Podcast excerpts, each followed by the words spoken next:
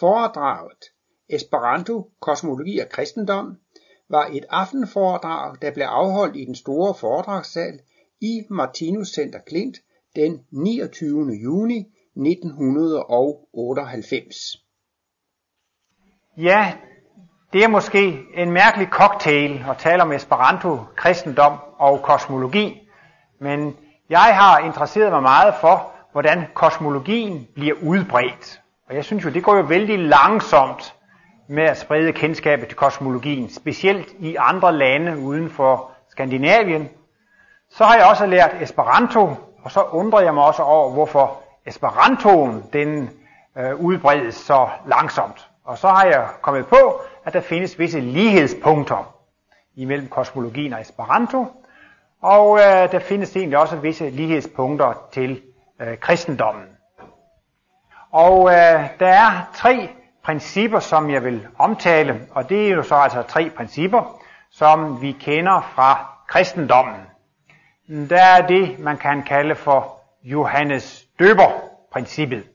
Johannes Døber, han øh, forberedte, så at sige, vejen for Jesus. Han øh, profeterede om hans komme, og han døbte folk. Altså han var ligesom en, der berigede vejen. Han var altså en forbereder, en, øh, et forløber symptom for kristendommen. Og så er selve hovedprincippet i kristendommen, det er selvfølgelig Kristus selv. Så det vil jeg så kalde for Kristusprincippet. Og så var det jo også Judas, som forrådte Jesus, og det kalder jeg så kalder for Judas-princippet. Men øh, man kan egentlig også sige, at inden for kosmologien, der kan man også tale om et Johannes Døber arbejde, og så altså om et Johannes Døber princip, eller om et Kristus princip, og man kan faktisk også inden for kosmologien tale om et Judas princip. Og øh, man kan også godt tale om Johannes Døber princippet, Kristus princippet og Judas princippet inden for Esperantoen. Så der er tre principper, og så tre retninger, så det bliver så ni små bidder, som jeg kan omtale. Det drejer sig om at se globalt på det. Og det er egentlig også interessant, når man ser på livets bog, bind 1.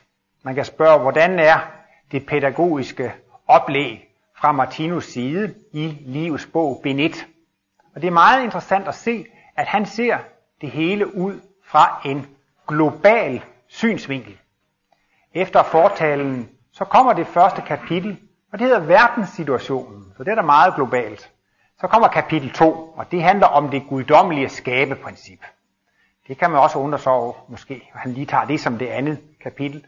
Men øh, det tredje kapitel hedder så øh, den nye verdensimpuls, og det fjerde kapitel, det er jo skabelsen af en international øh, verdensregering, og femte kapitel, det er jordmenneskehedens modtagelighed for øh, den nye verdensimpuls. Og der ser man, det drejer sig hele tiden om, at Martinus ser det i et globalt perspektiv.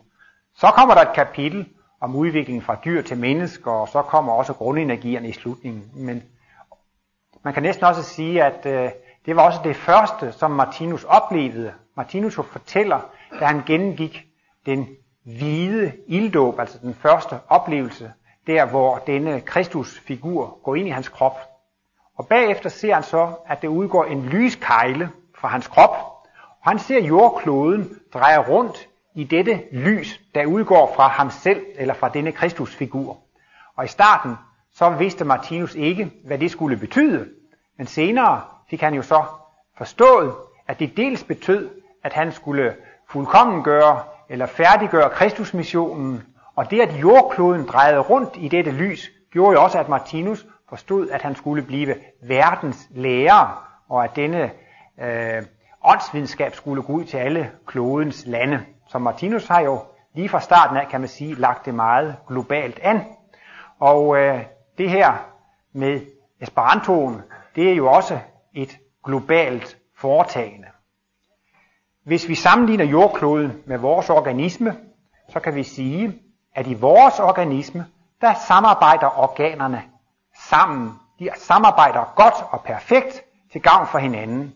Hvis hjertet sagde, i dag vil jeg ikke sende noget blod ud til lungerne, så bliver blodet ikke iltet, og så dør man. Eller hvis lungerne siger, i dag vil jeg ikke øh, sende ilt ind i blodet, jamen så dør man af iltmangel. Hvis et af organerne finder på at strække, så dør alle organer. Men alle vores organer, de arbejder jo organisk sammen til fordel for helheden. Men hvis man ser på de forskellige organer i jordklodens organisme, så kan vi jo sammenligne de forskellige nationer med sådanne organer. Og der må man jo sige, der er mange organer, som ikke samarbejder. Så det vil sige, der mangler altså noget i jordklodens udvikling frem mod fuldkommenhed. Der mangler dette, at de enkelte organer, de enkelte lande, de skal altså lære at samarbejde.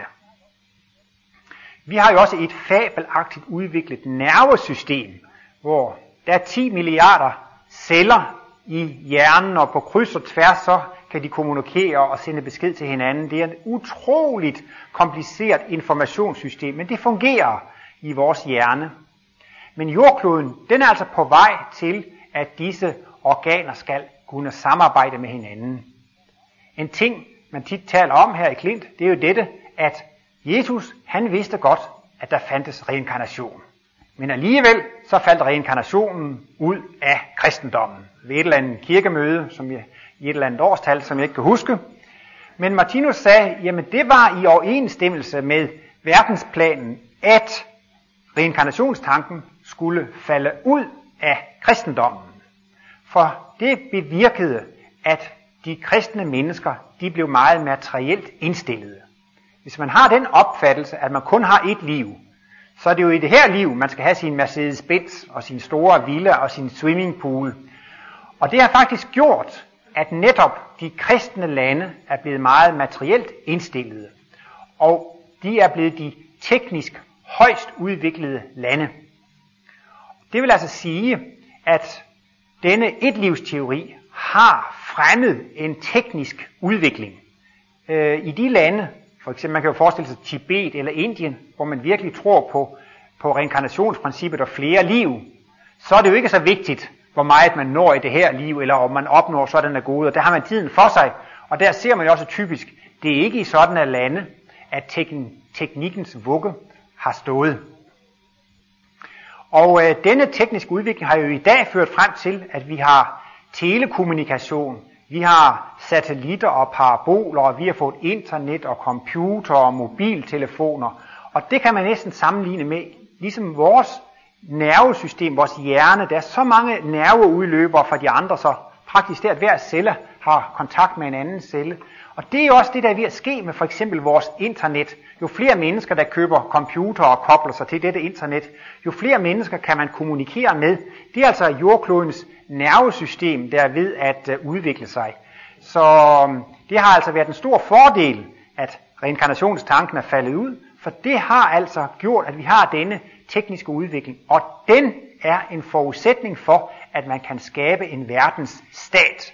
Hvis vi skal have en verdensstat, hvor alle mennesker lever på de samme betingelser, hvis vi skal sikre os, at alle ressourcerne bliver ligeligt fordelt, hvis vi skal vide, hvor meget hvert enkelt menneske har behov for over hele kloden, så kræves der gigantiske computere, internet og store systemer for at løse dette husholdningsproblem for verdensstaten. Men dette problem vil blive løst takket være øh, denne teknikens udvikling. Og nu kan man så sige, nu er jo takket være Martinus arbejde jo reinkarnationstanken ved at komme tilbage i kristendommen. Og nu gør det jo ikke så meget, for nu har vi jo fået denne tekniske udvikling. Men lige så vel som nu vores celler kan kommunikere med hinanden, så skulle de enkelte celler her på jorden jo også gerne kunne kommunikere med hinanden. Og øh, derfor ville det jo være en stor fordel, at vi talte det samme sprog. Det er jo virkelig store problemer med at kommunikere med hinanden. Og Martinus taler så om, at denne verdensstat vil selvfølgelig også have et verdenssprog, så hvert eneste individ kan tale med et vilkårligt andet individ. Når vi nu udvikler os frem imod fuldkommenhed, så vil det da være højst ufuldkomment, hvis man ikke kunne tale med alle mennesker og forstå alle mennesker på hele jordkloden. Og så er det jo mange, der tror, at måske engelsk det bliver verdenssproget. Men det er ikke sikkert, at franskmændene kan lide det. Det er heller ikke sikkert, at russerne går ind for det. Det er ikke sikkert, at kineserne synes, det er en god idé. Og Martinus han forsikrer, at intet nationalt sprog vil blive verdensstatens sprog. Fordi øh, det er ikke nogen retfærdig løsning. det er ikke nogen universel løsning. Hvis vi skal have en retfærdig verdensstat, så kan vi ikke have en partisk løsning. Og det vil altså være en næsten egoistisk eller partisk løsning, hvis vi udvalgte et enkelt sprog. Man kan også sige sådan, jamen, der er en milliard kinesere, der snakker kinesisk, så vælger vi altså kinesisk til verdens sprog. Det vil kineserne jo blive glade for. Men der var nok mange, der ville lave røvl og brokke sig over det. Og det er ligegyldigt, hvilket nationalsprog man vælger, så vil det være en fordel for nogle, og det vil altså være en stor ulempe for andre. Og det andet er, at verdensstaten, når vi når frem til at blive fuldkommende mennesker, så vil vi selvfølgelig også have fuldkommende logiske løsninger på alting. Og alle nationale sprog, de er fyldt med uregelmæssigheder og mangler og fuldstændig ulogiske ting. Og derfor vil mennesket i fremtiden, som er fuldkommen, også kræve, at sproget er fuldkomment. Martinus taler jo om menneskenes udvikling, men en gang imellem, så taler han også om kunstens udvikling, om musikkens udvikling, og øh, han har også talt meget om talsystemets udvikling. Det var en gang, så kunne man jo bare tælle på, på, på hænderne og på fødderne, og man har dusin og snes, og det startede meget primitivt med dette talsystem. Babylonerne havde også et talsystem. I øh, Romeriet, der havde man også et talsystem. Det var romertallene. Men der har man jo ikke et nul. Og jeg vil gerne vide, hvordan man dividerer og ganger med romertal, hvis man har sådan en brøk, hvis man skal til at forkorte og sådan noget. Jeg har meget svært ved at forestille mig, hvordan det foregår, alt det her med at gange og dividere med romertallene, fordi man har ikke nullet med. Men det fungerede jo i hvert fald til deres brug, men det er langt fra fuldkomment. Men nu har vi så fået dette titalsystem, som er fuldstændig logisk, fuldstændig perfekt. Og der siger Martinus, talsystemet, det har udviklet sig til sin fuldkommenhed. Det kan ikke blive bedre. Der er måske nogle mennesker, der siger, jamen jeg vil foretrække, at 13 det ikke var med. Kan vi ikke smide 13 ud af talsystemet? Eller nogen vil måske synes, der mangler et tal mellem 7 og 8. Eller jeg ved ikke, hvilke forbedringsforslag I kunne have. Men jeg mener, det er ligegyldigt, hvordan man forandrer talsystemet. Så vil det blive dårligere af det. Man kan ikke forbedre talsystemet. Det har altså udviklet sig til at nå sin fuldkommenhed. Og det begyndte jo ganske primitivt. Sproget, jamen det begynder jo også ganske primitivt i dyreriet. Vi kan jo høre fuglene synge, og kravene, de, de laver spektakel, og dyrene, de, de skriger og brøler og gør ved. Men det er altså et begyndende sprog. Primitive naturmennesker, de har jo så et mere udviklet sprog, og sprog det bliver ved og bliver ved med at udvikle sig. Og desto højere udviklet et sprog er, desto mere præcist og nøjagtigt og entydigt kan man udtrykke sig på dette sprog. Men så må man bare konstatere, at sproget er endnu ikke fuldt udviklet. Alle sprog de er fyldt med en lang række uregelmæssigheder, ulogiske ting. Så sproget det er ikke udviklet endnu. Og Martinus han skriver meget om talsystemet i slutningen af tredje bind af livets bog. Og en gang senere her i sommer, der skal jeg holde et foredrag over talsystemet. Og Martinus han har jo livets bog bind 2 og livets bog bind 3, hvor hovedoverskriften er kosmisk kemi. Og der viser han det levende væsens struktur, og han løser livsmysteriets løsning, og i tredje bind har vi så symbolet over livsmysteriets løsning, og han løser alle tilværelsens store spørgsmål. Og da han har gjort det, så siger han til sidst, ja, men talsystemet, det er også et symbol på livsmysteriets løsning. Så man kan sige, det er et symbol, og det er et symbol, og det er et symbol. Så har Martinus taget talsystemet og sagt, se, det her, det er også et symbol. Talsystemet, det er et fantastisk symbol, fordi det indeholder også livsmysteriets løsning. Og jeg kan bare lige nævne nogle ganske små ting. Det er jo klart, at talsystemet, tallene, de kan blive ved med at vokse og blive uendeligt store. Men det er da et glimrende symbol på makrokosmos. Tallene kan blive uendeligt små, man kan sætte lige så mange nuller foran det skal være, så går man jo ned i mikrokosmos. Talsystemet det er øh, uendeligt. Man kan også sige, at når man nu tæller 1, 2, 3, 4, 5, 6, 7, 8, 9, så siger man 10, så skriver man et 0, men så har man fået 1 i mente. Altså det vil sige, når man har gået talkredsløbet igennem en gang fra 1 til 9 og kommer op til 10, så får man 1 i mente. Det er ligesom noget, der markerer, at vi har gjort et kredsløb. Det er ligesom resultatet eller essensen af dette kredsløb. Jamen, siger Martinus, det er da et glimrende symbol på en talentkerne. Hver gang vi har gået igennem et livskredsløb, så har vi også skabt et talent. Det er også ligesom noget, vi får i mente. Vi skal ikke blive ved med at slæbe rundt på de detaljerede oplevelser og øvelsestimer, men resultatet eller essensen af vores træning, vores øvelse, det er ligesom den der, der går op i en mente. Det er jo det samme som øh, talentkerneprincippet. Og vi ser jo i allerhøjeste grad kredsløbsprincippet repræsenteret i talsystemet. Alt går i kredsløb. Man kan ikke pege på en eneste ting, uden at det er en del af et kredsløb. Det er ligegyldigt, hvilket tidspunkt de peger på, så er det en del af årskredsløbet. Eller det er ligegyldigt, hvilket klokkeslæt de peger på, så er det en del af dagskredsløbet. Eller man kan se stoffernes kredsløb. Studerer man økologi og biologi, så ser man jo alle stoffer i naturen, de cirkulerer. Og vi har jo også fast form, flydende form, gasformig form og stråleformig. Så et hvilket som helst stof vil også være i et eller andet kredsløb. Alt, der er spiralkredsløb, alt i naturen, og der er kredsløb inden i kredsløb, og, og vi ser det hele symboliseret i talsystemet. Så det er meget interessant, hvordan Martinus kan virkelig se, at hele livsmysteriets løsning ligger i talsystemet. Nu har jeg bare lige nævnt nogle få detaljer, men altså dette talsystem, det er jo fuldstændig logisk, matematisk perfekt. Og der i tredje bind, hvor Martinus så er ved at være færdig med talsystemet, så går han ganske kort ind på det med sproget og siger, ja, sproget er ikke færdigudviklet, men det vil også blive fuldstændig logisk matematisk. Og øh, det, det gør det så svært at forstå livsmysteriets løsning, det er jo dette med x1, x2, x3. Det er dette med evigheden. Det er dette med, øh, med, med jeget, med skaberen og det skabte. Vi er jo vant til at opleve alting, når det er begrænset af tid og rum. Vi, vi lever jo i en verden, øh, hvor vi kan måle og veje. Altså vi lever i det skabtes verden.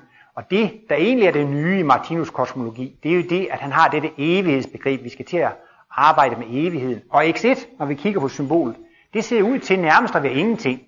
Men det er tegnet sådan, fordi vi kan ikke opleve det med vores sanser. Det reagerer ikke på vores sanser. Men det er noget. Ja, det er faktisk alting.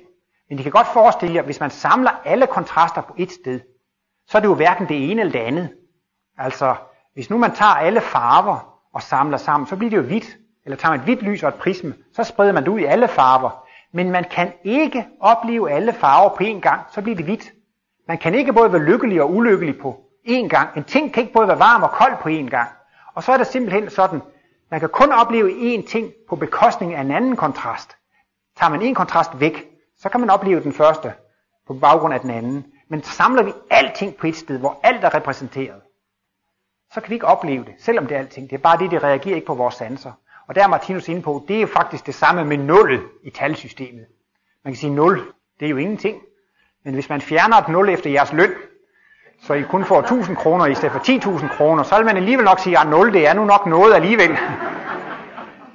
Og øh, det er netop det med nullet, det er også sådan et genialt øh, symbol på evigheden. Og øh, Martinus, det er jo faktisk næsten det der krumtappen i hele Martinus analyse af talsystemet, det er det, at man også kan få denne analyse med det evige og det timelige med i kraft af nullet og i kraft af tallene. Og øh, det er meget interessant, at det princip, det må man jo så også finde i sproget. Man kan sige, et nul, et nul fuldstændig isoleret, det er jo ingenting. Men bliver det så sat i forbindelse med det skabte, i forbindelse med foran et et-tal eller bagved et et-tal eller så videre, jamen så giver det jo en oplevelse, så er det jo blevet, øh, blevet manifesteret. Og øh, jeg vil godt lige tillade mig så fortælle lidt om øh, det matematiske, logiske i Esperanto. For der har man faktisk også et 0, kan man sige. Det, det er et O. Øh, det er en, øh, et bogstav, som man sætter efter alle navneord. Og Esperanto, det kan jeg godt fortælle jer, det er meget simpelt. Kat hedder Kato, hund hedder Hundo, mus hedder Muso, mur hedder Muro, og flagstang hedder flagstango.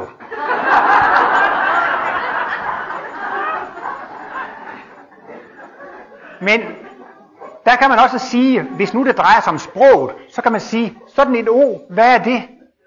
Ja, det siger jo ingenting i sig selv, ligesom en 0 ikke siger noget i sig selv. Men hvis man sætter det O på en ordstamme, ligesom hvis man sætter 0 til nogle andre tal, så giver det mening, så giver det betydning. Så det vil altså sige, at på en måde har man også sådan nogle nuller inden for sprogene. Det er bare det, man har flere forskellige slags nuller end i talsystemet. For selvfølgelig er det mere simpelt at arbejde med tal end med sprog. Det er ligesom mere komplekst. Men altså dette princip må man også have i sprogene. Jeg kan også sige, med hensyn til sprogets udvikling, så udvikler det sig jo sådan, at først så tegner man en tegning for hver enkelt situation. Man kan jo se de her hieroglyffer, der forklarer man tingene ved at tegne situationen. Og det er jo bunkevis af forskellige situationer, og derfor må man altså have massevis af tegn. Jeg tror, man kan komme helt op på 10.000 forskellige kinesiske tegn, men normalt bruger man vist kun 4.000, og mange kinesere kan kun 2.000. Men tænk alligevel at have et alfabet med op til 10.000 bogstaver. Og det er jo fordi hver bogstav, det er en tegning af en situation eller en ting. Og det kan man sige, det er egentlig primitivt. Hvis sprog er meget kompliceret, så er de faktisk primitive. Men efterhånden som menneskets intellekt det udvikler sig, så får det større evne til at generalisere. Man kan se principper i det, og så kan det blive utrolig forenklet. Og hvordan kan det være, at Martinus kan forklare livsmysteriets løsning og alle problemer på så simpel en måde? Det er takket være hans intuition. Takket være intuition kan man så at sige se lige igennem tingene og se princippet eller essensen i tingene. For selvom livets mysteriske løsning kan være kompliceret, så tror jeg, at de fleste er enige i, at Martinus kosmologi det er utrolig enkelt. Altså han har jo sådan en helt enkelt ting, som man kan bruge overalt. Og det er netop takket af intuitionen, at han kan se princippet i det. Og det vil altså sige, jo mere intellekt og mere intuition menneskene får, desto bedre er de i stand til at generalisere tingene i sproget og udtrykke det, udtrykke det enklere. Og øh, jeg har bare hørt, at den her islandske grammatik, den er meget mere kompliceret end vores grammatik. Det vil altså sige, at den oldnordiske grammatik, den er ikke primitiv, den er kompliceret med en masse kasus og bøjningsformer. Det i sig selv er selvfølgelig også et udslag af, at man kan generalisere, man kan se, det hører til det kasus, og det hører til det kasus. Det er selvfølgelig også et skridt i udviklingen. Der er måske også nogle af jer, der har kæmpet med at lære latin, og fundet ud af, at det var også meget kompliceret. Og latin er jo også uddød, og det er måske, eller mere eller mindre i hvert fald, som talt sprog. Og det er jo så fordi, at grammatikken har været meget kompliceret. Og vi ser jo også, hvordan sprogene udvikler sig, og grammatikken bliver brugerne de gør den simplere og simplere, men det er faktisk fordi, man får større evne til at øh, generalisere. For eksempel så har man jo på tysk ich bin, du bist, er sie es ist, og på fransk har man je suis, tu es, il est, og det vil altså sige, at ordet er, det har forskellige former, om det er jeg, eller du, eller han, hun, den, det, vi, os, eller det er forskellige former. Men hvis, hvis nu man siger, jeg spiser, du spiser, han spiser, vi spiser, I spiser, de spiser. Jamen vi gør jo det samme. Hvorfor skulle man så ikke kalde det det samme? Hvorfor, hvorfor skulle man have seks forskellige former for det? Men der har man måske engang synes, det er jo seks forskellige situationer, og så man har seks forskellige. Men så i intuitionens klare lys, så kan man se, jamen det er jo det samme, man gør. Hvorfor så ikke kalde det det samme? Og øh, der er også mange, der opfatter Esperanto så, som primitivt, men det er faktisk fordi, at det går fuldstændig logisk og matematisk til værks og altså har de her helt klare principper. Alle navneord eller substantiver, de ender på O. Og hvis et ord ender på O, så er det et navneord, så er det et substantiv. Og der er ingen undtagelse, det er fuldstændig klart. Og det må man faktisk sige, det er meget højt udviklet, det er meget intuitivt, eller der har man jo virkelig taget princippet og essensen og, og, og sat det klart og tydeligt ud. Alle udsagnsord på Esperanto i nutid, i præsens, de har endelsen AS. Mi starters, jeg står. Vi sidas, du sidder. Og der er simpelthen ingen undtagelser. Alle verber eller udsagnsord i nutid ender på AS. Alle verber i datid, de ender på IS.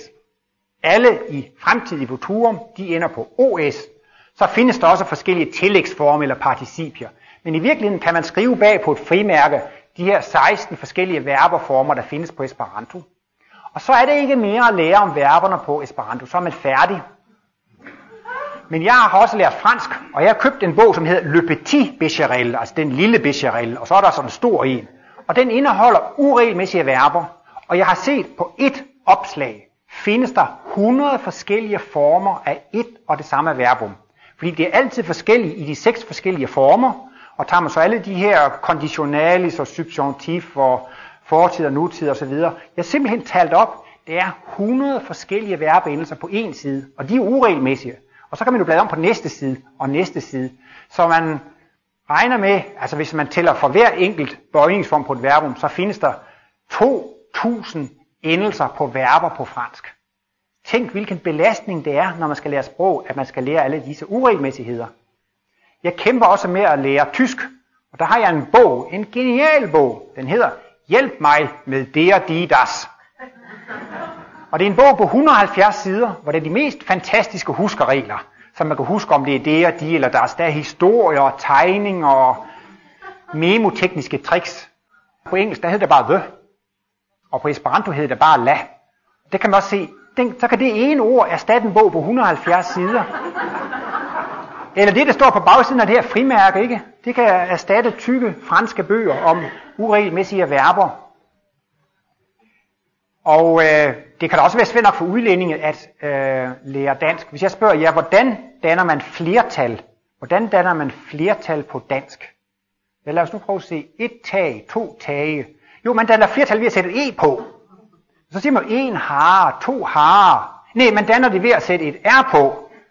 Øh, en datter, to døtre. Nej, det og der er jo så mange forskellige former for øh, uregelmæssigheder i at bare bøje navneord i flertal. På Esperanto så får det endelsen j i flertal, og alle ord, der ender på j, de, de, er, altså, de er altså flertalsord. Og øh, så alle ord, alle tillægsord, de ender på a. De er også en slags nul. A i sig selv, det er ingenting. Men når det bliver sat på en ordstamme, så giver det jo altså en betydning. Alle biord, de ender på e.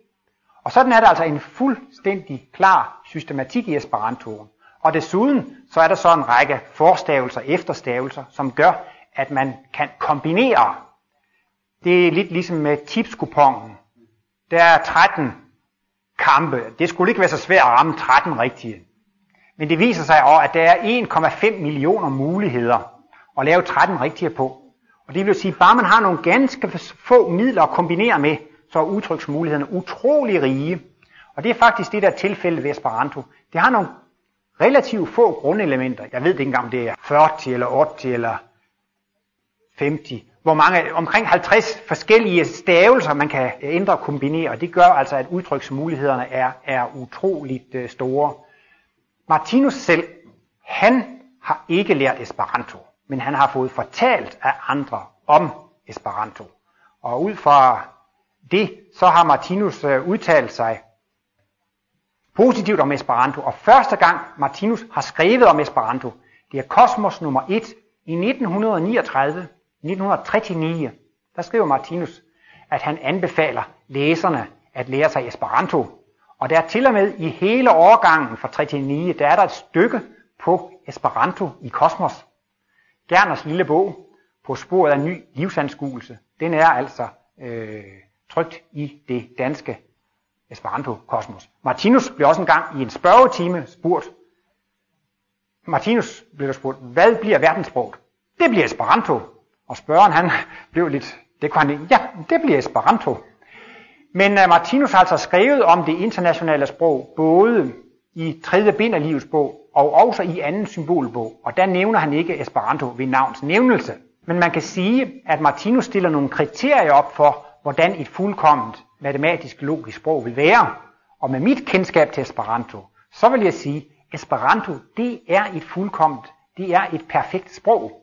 Og øh, det er altså også, det er ikke noget enkelt lands nationale sprog, så på den måde, så opfylder øh, Esperantoen altså betingelsen for at kunne blive til et, øh, til et verdens sprog. Men jeg vil også godt lige vende tilbage til dette med øh, øh Johannes Døber-princippet, og Kristusprincippet og, og Judas-princippet. Og som sagt, Johannes Døberen, han berigte vejen. For Martinus kosmologi, der kan man jo sige, at de åndelige retninger, der var i Danmark omkring 1930, de gjorde jo også et slags Johannes Døber-arbejde for Martinus. Der var jo antroposofer, der var teosofer, og øh, altså mennesker, der var interesseret i, i Stein og teosofi og måske også noget spiritisme osv. Og og øh, da Martinus begyndte at fortælle om kosmologien, så var det jo naturligt, at det måtte starte i grupper af åndeligt interesserede mennesker. Og derfor holdt Martinus jo så i starten jo foredrag i grupper af antroposofer og teosofer. Og så var det ikke så lang tid, så, så blev det tit sådan en forandring. Nej, ham vil vi ikke høre på. Nej, ham vil vi hellere høre på. Og så kan man sige, så opstod der efterhånden nogle Martinus-grupper. Men altså, øh, han startede der, hvor det var disse andre moderne åndelige retninger. Og så kan man sige, ja, men der ser man så, det var det så det samme som ved kristendommen. Der var også en Johannes Døber i 1930, og denne Johannes Døber, det var altså de andre åndelige retninger. Og øh, så bliver det måske lidt mere specielt med, med Judas-princippet inden for øh, kosmologien. Altså Martinus selv, han repræsenterer så selvfølgelig Kristus-princippet. Altså det er jo ligesom hovedbudskabet i den her bevægelse. Det er jo Martinus kosmologi, det er hans åndsvidenskab, det er hans evige øh, verdensbillede. Men øh, Judas, han øh, forrådte jo øh, Jesus. Så kan man spørge sig, hvordan kan man så forråde kosmologien? Fordi at øh, Judas, han var jo disciple af Jesus. Så det vil altså sige, at man kan åbenbart også som kosmolog komme til at praktisere Judas-princippet. Og øh, der brugte Martinus hyppigt det udtryk, at man kan gå foran forsynet. Forsynet har en ganske bestemt plan for, for skabelsen. Man kan også sige, når man sår et frø i foråret, og det vokser, det er måske en lille radise, man sår, og den vokser, og den vokser med en ganske naturlig hastighed. Men man kan jo være utilfreds med, at den vokser så langsomt. Og så kommer man ud og trækker den i toppen, for at den skal vokse noget hurtigere. Men det nytter ikke rigtig noget. Man kan ikke rigtig med vold få denne radise til at vokse hurtigere. Den har en ganske naturlig væksthastighed. Jamen den menneskelige udvikling, udviklingen i dyreriet, har også en ganske naturlig hastighed. Og vi mennesker kan ikke, selvom vi er utålmodige, ændre på denne helt naturlige vækst. Så menneskeheden, den bliver også gradvist mere moden og mere fuldkommen. Og det kan man ikke ændre på. Det er jo en indre organisk proces, hvordan mennesker kommer frem i udviklingen, hvordan menneskeheden kommer frem i udviklingen. Så derfor kan man ikke forcere denne udvikling. Men man kan jo blive så glad og så begejstret for kosmologien, at man virkelig vil gøre noget for, at udviklingen i denne verden kommer frem. Det vil altså sige, at man vil fortælle alle om kosmologien, og man vil ligesom frelse alle, og man vil skabe verdensfred. Man synes, det er så fantastiske tanker. Man har jo som regel altid sådan en fase som kosmolog, hvor man bliver helt berust af idéerne og synes, det er så fantastisk. Og så begynder man at fortælle for ens nærmeste og kollegaer, og, og man kan måske også lige frem begynde at sætte, det er jo ikke så ofte set, men man kunne godt forestille sig, at man satte i gang med at komme i avisen og i bladen og i radioen, og altså man lader sig virkelig i selen, for nu skal alle mennesker høre om det her. Det vil sige, at man prøver på at forcere hastigheden. Det vil faktisk sige, at man går foran forsyn. Man vil have, at udviklingen inden for kosmologien skal gå hurtigere, end den kan. Og det vil så vise sig, at på den måde kan man godt forråde kosmologien ved det, at det vil ikke være nogen fordel for kosmologien. Det vil snarere være en ulempe, og Martinus i sin egen levetid, han ville selvfølgelig have ro og fred til at øh, arbejde, men han sagde jo altid i sin egen liv, vi skal ikke påkalde os pressens opmærksomhed. For han sammenligner det også lidt med en lille spæd plante. Den kan ikke tåle storm og frost og stort uvejr. Den skal helst i beskyttede betingelser vokse sig solid og stærk, så den senere kan klare disse stormer og, og dette uvejr. Så derfor forstod Martinus også, at det ville ikke være nogen særlig fordel for sagen, at det var blevet publiceret. Derved ville den kunne være blevet meget angrebet, den ville kunne være meget latterliggjort, der ville kunne sige utrolig mange forkerte ting og latterlige ting om kosmologien, hvis det virkelig blev, blev blæst for, for tidligt ud. Så det er selvfølgelig meget godt, at man vil hjælpe forsynet, og det er jo godt at stille sig til rådighed for, at disse tanker kan komme ud i verden. Men det gælder om at være lydhør for forsynets signaler og tegn. Og så kan man jo altså stille sig til disposition og bede om at få lov til at hjælpe med at brede de her tanker ud. Og så vil der jo nok komme nogle lejligheder, hvor man har mulighed for at fortælle det for andre, eller skrive et læserbrev, eller gør en eller anden aktivitet. Men altså, det er muligt, at man kan gå så kraftigt til værks, at man faktisk derved kommer til at skade kosmologien. Og det var så det, Martinus kaldte at gå foran forsynet. Og han har altså også brugt det udtryk ved det, at det er jo faktisk Judas-princippet. Det er en slags misforstået hjælpsomhed. Judas ville jo hjælpe Jesus, men han er jo slet ikke troet, at det skulle få det forløb. Han har jo troet, jamen Jesus, han er jo almægtig, alvis, alkærlig. Han ville jo simpelthen kunne lave et mirakel og, og, og, og, og ligesom ydmyge romerne. Og så kunne han jo stråle sig i mesterens lys. Se, det er min mester. Og han kan lave alle de her mirakler osv. Så det er jo nogle gange, at vi også har en tilbøjelighed til, at vi gerne vil, vil lyse også i lyset fra mesteren. Det har jeg da også selv øh, stor fornøjelse af. at stå og spille klog og fortælle om kosmologien. Så lyder det som om, jeg er meget klog, ikke? Men jeg refererer jo bare, hvad Martinus har sagt. Men det er jo sådan, at nogle gange så vil man godt sådan lyse sig lidt. Og det er altså også, kan man sige, sådan et, et udslag af, af vores ufærdige natur. Og det er så altså også et udtryk for dette Judas øh, princip, at man øh, vil forhærlige sig selv eller høje sig selv op på basis af det, andre de har præsteret eller, eller ydet. Og øh, inden for Esperanto-bevægelsen, der har der også været et Johannes Døber arbejde. I har sikkert alle sammen hørt om sproget volapyk. Øh, det lyder jo helt, det er, tit, det er simpelthen blevet gjort til et synonym for nonsens eller pjat eller noget, der er helt uforståeligt. Volapyk. Men det var faktisk en mand, som hed Johann Martin Schleier, en tysker, som kunne, jeg tror, 40 forskellige sprog. Han var virkelig et stort sproggeni, og han bestemte sig så for at lave sådan et sprog. Og man må sige, at han greb det egentlig rigtigt an. Han ville lave et fuldstændig logisk og et matematisk sprog. Og øh, det lykkedes faktisk også for ham. Men han øh, vandsigede, eller øh, ændrede tit på ordstammerne. Han sagde for eksempel, i Kina og Japan, der har man svært ved at sige R. R. Så derfor sagde han, nu fjerner vi R fra alle ord. Og det vil så sige, at egentlig, så han gik så ud for det engelske world, der er jo et R eller verden, værd. Der er et R i det, så det må vi jo tage væk. Og så bliver det til wool. Og jeg ved også bare, at et, jeg kan ikke ret meget et volapyk, men jeg ved for eksempel et, et, et, et, øh, et dyr, der gik han også ud for engelsk og sagde, at dyr, det hedder bare nim. Altså vi har animal, men det er så langt, så det er meget nemmere bare at sige nim. Og jeg tror også, at kompliment, det blev også bare til plim. Men altså, han lavede så meget om på ordstammerne, så det var næsten ikke nogen, der kunne, kunne kende, genkende betydningen.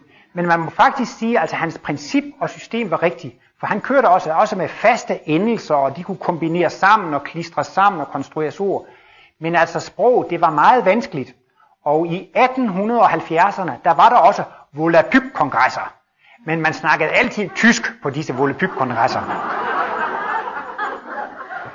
Øh, fordi selv skaberen af det, han talte meget dårligt øh, volapyk. Men de findes stadigvæk. Jeg er kommet på sporet af en esperantist, som kan volapyk.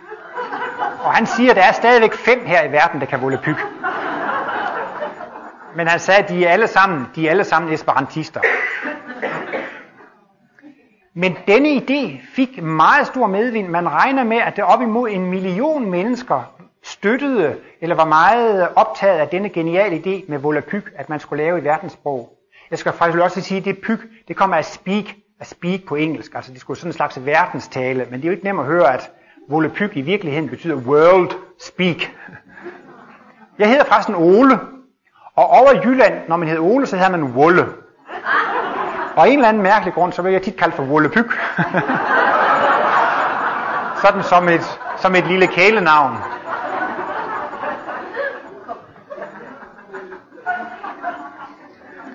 Men det vil sige, at forskellige steder i verden, der var der faktisk lavet sådanne volapykforeninger, volapykklubber. Og så i 1887, så kom Sammenhof altså med Esperantoen. Og de folk, som før havde beskæftiget sig med volapyk, de hørte jo også om det der Esperanto-sprog. Og mange kunne jo så se, at det her det er meget nemmere, og det er meget bedre.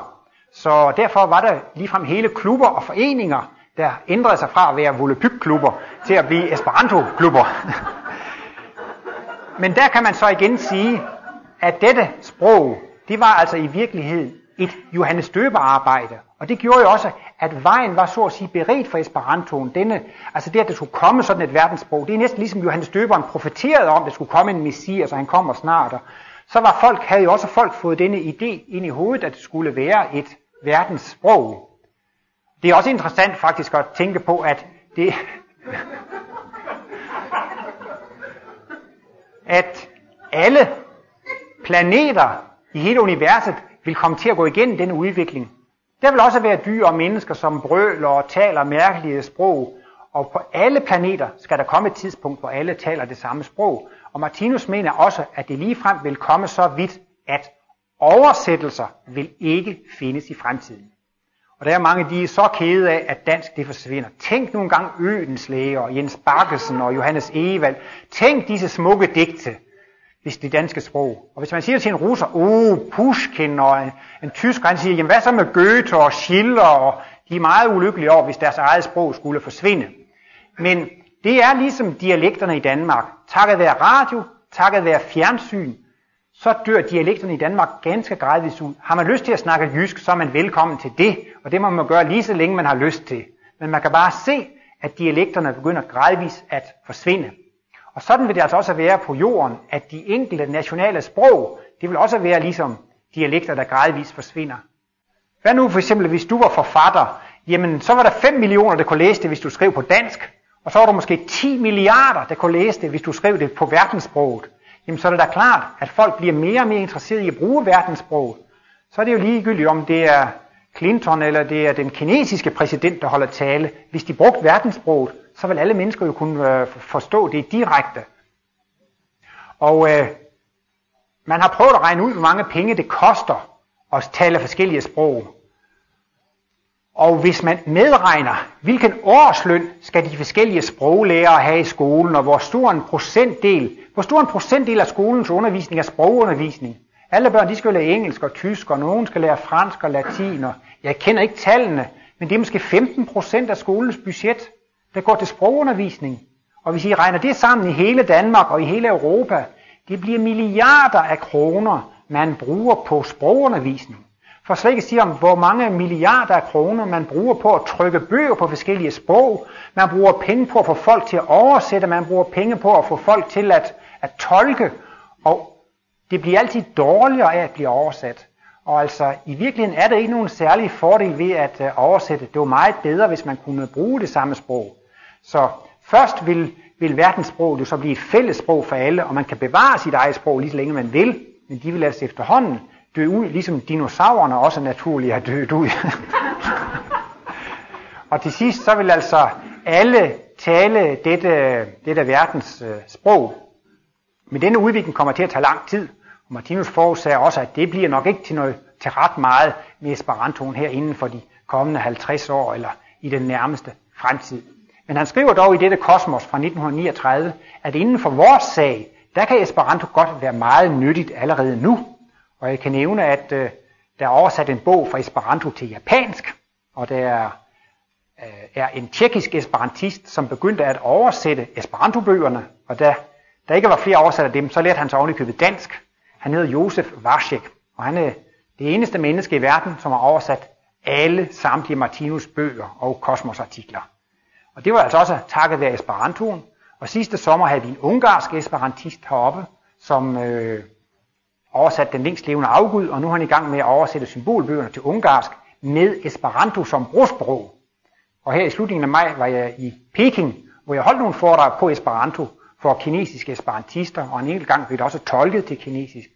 Og jeg traf i hvert fald tre esperantister, der godt kunne tænke sig at oversætte symbolbøgerne fra Esperanto til kinesisk. Og nu skal vi så også se, hvad der kommer ud af det, men jeg synes, det ser meget lovende ud. Og der kan man så i hvert fald se, inden for vores sag, kan Esperanto være meget nyttigt. Vi har også her i Klint haft tjekkiske gæster, gæster og russiske gæster, og der er faktisk også nogle af dem, som er blevet inspireret af Esperanto, så de er begyndt at lære det, og nu kan jeg så, nogle af dem, der før kun snakkede russisk, kan jeg nu begynde at kommunikere med på Esperanto, så på den måde har det altså også været en øh, stor fordel. Og det findes jo denne bog, der hedder Samarbejdsstrukturen, og der står der også lidt om Esperanto. Og øh, der står blandt andet, at Esperanto det er instituttets officielle internationale sprog. Martinus taler også om, at nationalisme, det er nationernes egoisme. Og internationalisme, det er nationernes altruisme. Og der kan man så også sige, jamen altså, når man holder fast i sin nationalisme, når man holder fast i de nationale sprog, det er udtryk for landenes egoisme. Men når man går ind for det internationale sprog, altså det upartiske sprog, for eksempel altså i alle områder, hvor man går ind for internationalisme, det er udtryk for landenes altruisme. Og derfor kan man så også sige, jamen går man så ind for dette verdenssprog, jamen så er man jo også med til at støtte landenes altruisme.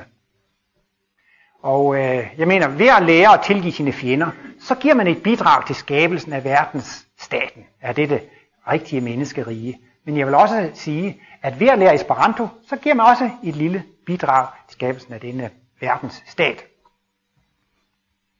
Og jeg vil også godt lige omtale lidt af det, jeg så vil kalde for Kristusprincippet i Esperantoen, altså selve skaberen. Og det var en øh, polsk jøde, som hed Samenhof. Og øh, hans far og hans bedstefar, de var sproglærer. Det viser jo også lidt om, at man bliver inkarneret i det miljø, hvor man passer bedst sammen. Nu kan I se Michael Laudrup og Brian Laudrups far, Finn Laudrup, han var jo også på landsholdet, og moren hun var håndboldspiller på landsholdet. Så man bliver ligesom tiltrukket til det miljø, hvor man passer bedst ind i det, og får den krop, der skal til, for at... Øh, så I før i kampen i går? Nå, det var en parentes, fordi øh, vi var kommet til Sammenhof, han inkarnerede altså i en sprogfamilie. Og allerede som barn, så kunne han tale, eller forstod i hvert fald fire sprog, og det var russisk, og polsk, og Jiddisch, det er altså det der sprog, som jøderne taler. Det er sådan en variant af det tyske sprog. Og så talte han også tysk. Og øh, han var tit med sin far, sproglæreren, på markedet. Og det var altså en meget turbulent region. For det første så var Polen besat af russerne. Så polakkerne, de var altså undertrykt af russerne. Og så var jøderne der også, som også var forhat af både russer og polakker. Og så var der altså også tyskere, og tyskerne, de har også altid ligget i krig med russerne, og det var altså virkelig, og det var også måske et femte sprog, øh, litauisk. Og øh, der var tit slagsmål og problemer på markedspladsen. Og så øh, den lille Ludvig Sammenhof, han opdagede jo, at faren han kunne tit bilægge en strid ved at snakke med parterne. For ofte var der to mennesker, der var kommet op og slås om en pris eller en handel, som ikke forstod hinanden. Så allerede som barn, så fik han forståelse for, hvis bare man kan snakke med hinanden, så kan man begynde at redde trådene ud. Så han var meget interesseret i det her med, med sprog. Og øh, allerede da han øh, gik i skole, begyndte han at lave sit sprogprojekt. Men jeg tror også, at alle jer her har i gang i skolen været med til at lave sådan nogle hemmelige sprog. Jeg kan ikke huske, lolly, nonny, ogok og sådan. Altså man har sådan nogle øh, forskellige øh, måder at lave røversprog. Og sådan legede han altså også med at lave et sprog sammen med sine skolekammerater.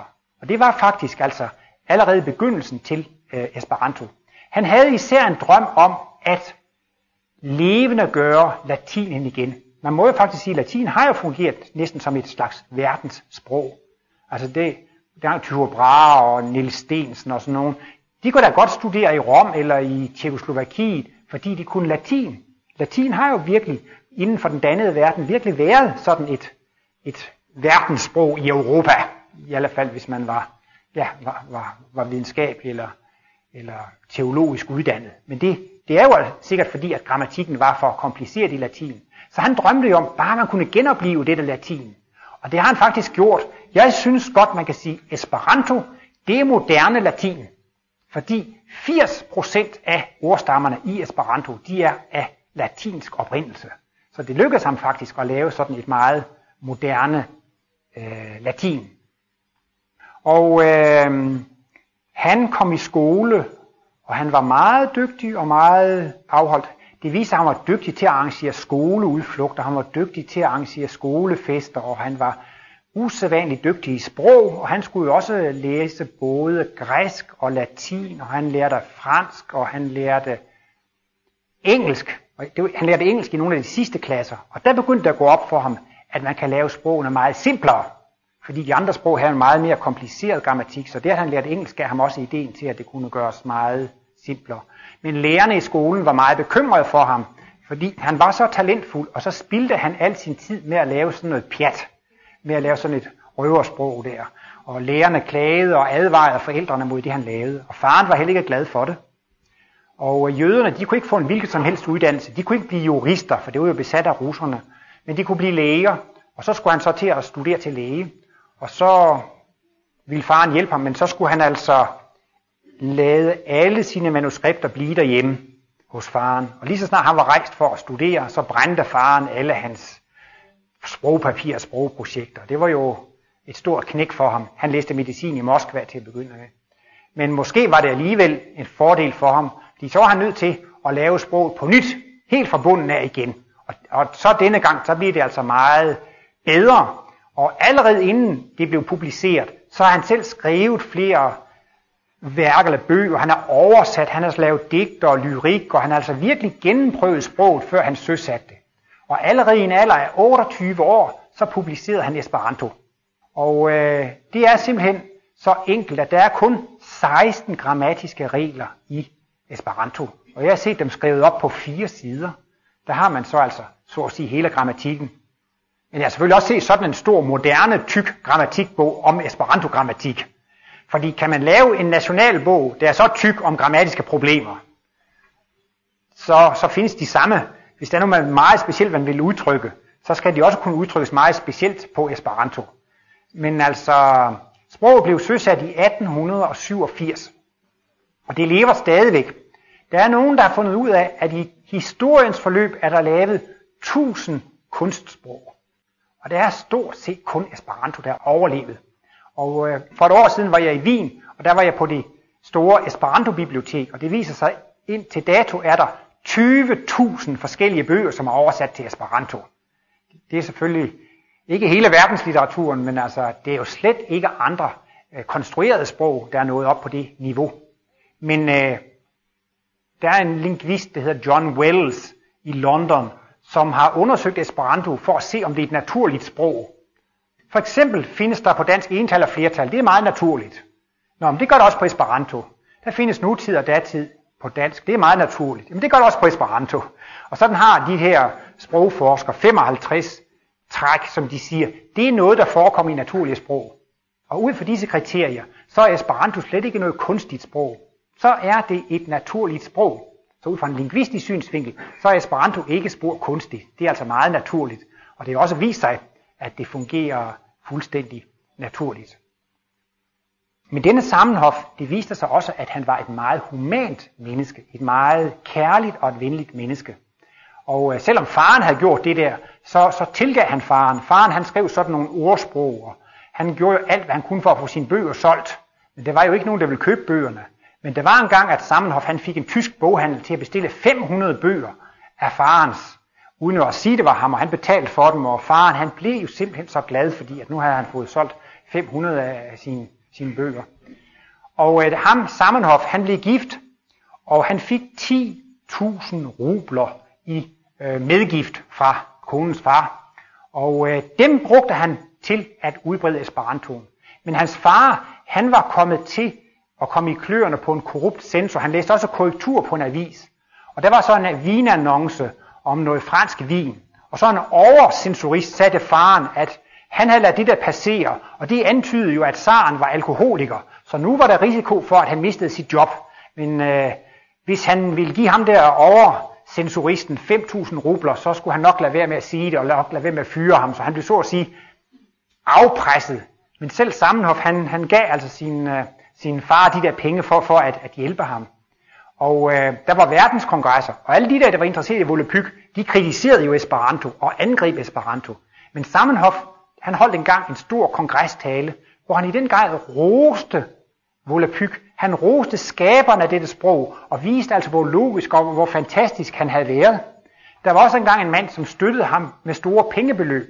Men så blev han sur over, at der var nogle overtegn over, over bogstaven i Esperanto. Og så sagde han også, hvis du ikke fjerner de der overtegn, og fjerner akkusativen, så vil jeg ikke støtte dig med penge mere. og det gjorde jo selvfølgelig også samme hof lidt ked af det. Men denne mand, trompeter, som han for øvrigt hed, han blev også omtalt ved en stor kongrestale. Og Sammenhof, han roste ham for alt det gode, han havde gjort for Esperanto-bevægelsen, og han havde betalt. Og alt det andet, det lå han til side. Og det viser sig, at der er så mange tilfælde, hvor Sammenhof kun har fremhævet de positive sider hos folk og lade de negative til side. Og det er jo næsten ligesom at læse samarbejdsstrukturen af Martinus, hvor Martinus i den grad fremhæver, vi skal ikke komme med ond kritik af andre, vi skal ikke bagtale og forfølge, men altså det gælder om at se de gode sider hos folk. Og det vil sige, udover at ham Sammenhof, han var et stort geni på det sproglige område, så var han altså også et meget humant og et kærligt menneske. Og derfor var han i særdeles stor grad egnet til at være leder af Esperanto-bevægelsen. Så kan man også se allerede i barndommen, når han arrangerede udflugter og skolefester osv., der repeterede han åbenbart også et organisatorisk uh, talent. Og han var altså virkelig en, en fremragende uh, lederskikkelse. Og han siger jo også, Han sagde ligesom Martinus, mit værk, det er en gave til menneskeheden. Men ham, Martin Schleier, der lavede Volapyk, det er mit sprog, og jeg har ret til at ændre i det. Og så var der også nogle andre, der ville ændre i det, og så kom de op og slås. Fordi at, øh, han sagde, det er mit sprog, og så kan jeg ændre i det. Og det gav mange konflikter. Men Sammenhoff han sagde, jamen I må da godt ændre på mit sprog, men så skal det altså ikke være ved en beslutning, så skal det være, at brugerne er begyndt at sige noget andet. Og der viser det så også, ligesom ved dansk sprognævn, hvis folk de begynder at sige noget, så kan sprognævnen ikke bremse det. Fordi folk de taler jo bare, bare som, som, som de vil. Så Martinus han mente også at kunne se, eller han, jeg kan ikke lige huske, hvad der står i strukturen, men det er noget i retningen af, at når Martinus har fået fortalt om Sammenhof, så siger han også, jamen der kan man se, at ham Sammenhof, han er forberedt og udvalgt af forsynet til netop at udføre denne mission. Og det kan man jo i allerhøjeste grad jo også sige om, om Jesus, ikke sandt? Han var jo også forberedt og udvalgt for den mission, han skulle udføre. Og Martinus, han sagde engang i et foredrag, det lød sådan lidt, næsten lidt mærkeligt, han sagde, ja, jeg er programmeret til denne mission her. Og andre gange så har han jo også sagt, at han er blevet prøvet, og han er blevet forberedt. Så han er jo altså også, Martinus, været udvalgt af forsynet til at udføre den mission. Det er vi selvfølgelig også alle sammen hver for sig, så vi også lige præcis er forsyn udvalgte til at gøre denne mission. Men altså, man kan jo sige, det er også det til fælles, så ved Jesus og Martinus og, og Sammenhof, ikke sandt? Altså, de er også alle sammen specielt forberedte og udvalgte af forsynet for at føre det arbejde og den mission ud i verden, som de nu har fået. Og øh, Martinus taler jo netop meget om den nye verdensimpuls. Han taler også om den gamle verdensimpuls. Og i det hele taget, så er det allerede i andet kapitel af livets bog, Benit, hvor han taler om det guddommelige skabeprincip. Ligesom man kan skabe en skulptur, man kan skabe et maleri, det er en, en, en proces, der gennemløber mange forskellige stadier. Så er denne jordklode også ved at blive skabt. Præcis på samme måde, som man kan skabe et kunstværk, man kan skabe en skulptur, et billede, så kan man altså også skabe en perfekt jordklode. Men jordkloden, den er altså ikke færdig skabt endnu. Den er under skabelse, og det er altså en skabende kraft bag det. Og det er jo så altså sådan en, en global impuls, der, der, der går ud over hele kloden.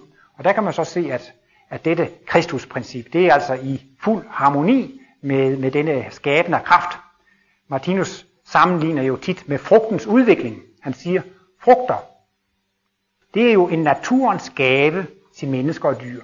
Hverken menneske eller dyr har gjort noget. Det er jo naturen, der har skabt det. Jamen det er da en vidunderlig gave fra naturens side, at man kan få sådan en modne og færdige frugter. Det er en velsignelse. Men går man ud og tager blommerne nu, eller æblerne, eller hvis de overhovedet er kommet, så vil de være sure og bitre, og så vil man sige, æbler, det er noget skidt, de smager dårligt, for de er sure. Nej, man må da vente med at øh, bedømme det, til det har gennemløbet hele sin udvikling. Og der er det så netop vores jordklode i dag. Det er på æblets sure stadium. Menneskene, de er altså ikke modne endnu, så vi er altså lidt, lidt sure. Og, og øh, ja, vi er både sure og sure. Men altså, man skal heller ikke bedømme jordkloden og menneskeheden. Man siger jo tit, det, det, der har været krig, så vil der altid blive ved med at være krig. Og der, har, der er mange sprog, der vil altid blive ved med at være mange sprog. Men altså, man kan ikke øh, slutte på den måde, fordi at det vi kan se nu, det er jo det, at ligesom frugten, den er jo ikke, den er jo ikke færdig, før den er fuldstændig, før den er fuldstændig moden. Og øh, lige så vel som det er altså en skabende kraft, der fører frugterne frem til deres modenhed, så er der altså også en guddommelig skabekraft, som også fører denne jordklode frem til at blive en moden og en vidunderlig frugt. Og der kan man så sige, der kommer man jo så i hvert fald til kristendommens endelige sejr. Og øh, der er mange lande i dag, der kalder sig kristne, men de kristne lande, det er dem, der er bedst til at lave bomber. Er der nogen, der har stærkere hære og bedre bomber og missiler end de kristne lande? Det er det ikke. De kristne er de bedste krigere. Men Jesus, han var jo 100% pacifist. Det viser bare, at kristendommen har ikke sejret endnu. Det er jo først, når vi alle, og derfor er det jo så, at Martinus han har kaldt sit værk det tredje testamente, det skal bidrage til kristendommens endelige sejr. Og inden for Esperanto-bevægelsen taler man også lidt fanatisk om la fina venko, og det er jo altså den, den sluttelige sejr, altså det, at, at, at det, det, bliver, det bliver fuldbragt. Og der er også mange, der bliver lidt skuffet over, at det ikke går hurtigt, ligesom der også er mange, der bliver lidt skuffet over, at det ikke går hurtigt med kosmologien, men man kan altså være ganske tryg, at denne skabeproces, den fortsætter frem til fuldkommenhed og guddommelighed, og det ligger altså i den guddommelige skabekraft eller skabemagt at se til, at denne udvikling bliver fuldbyrdet. Tak.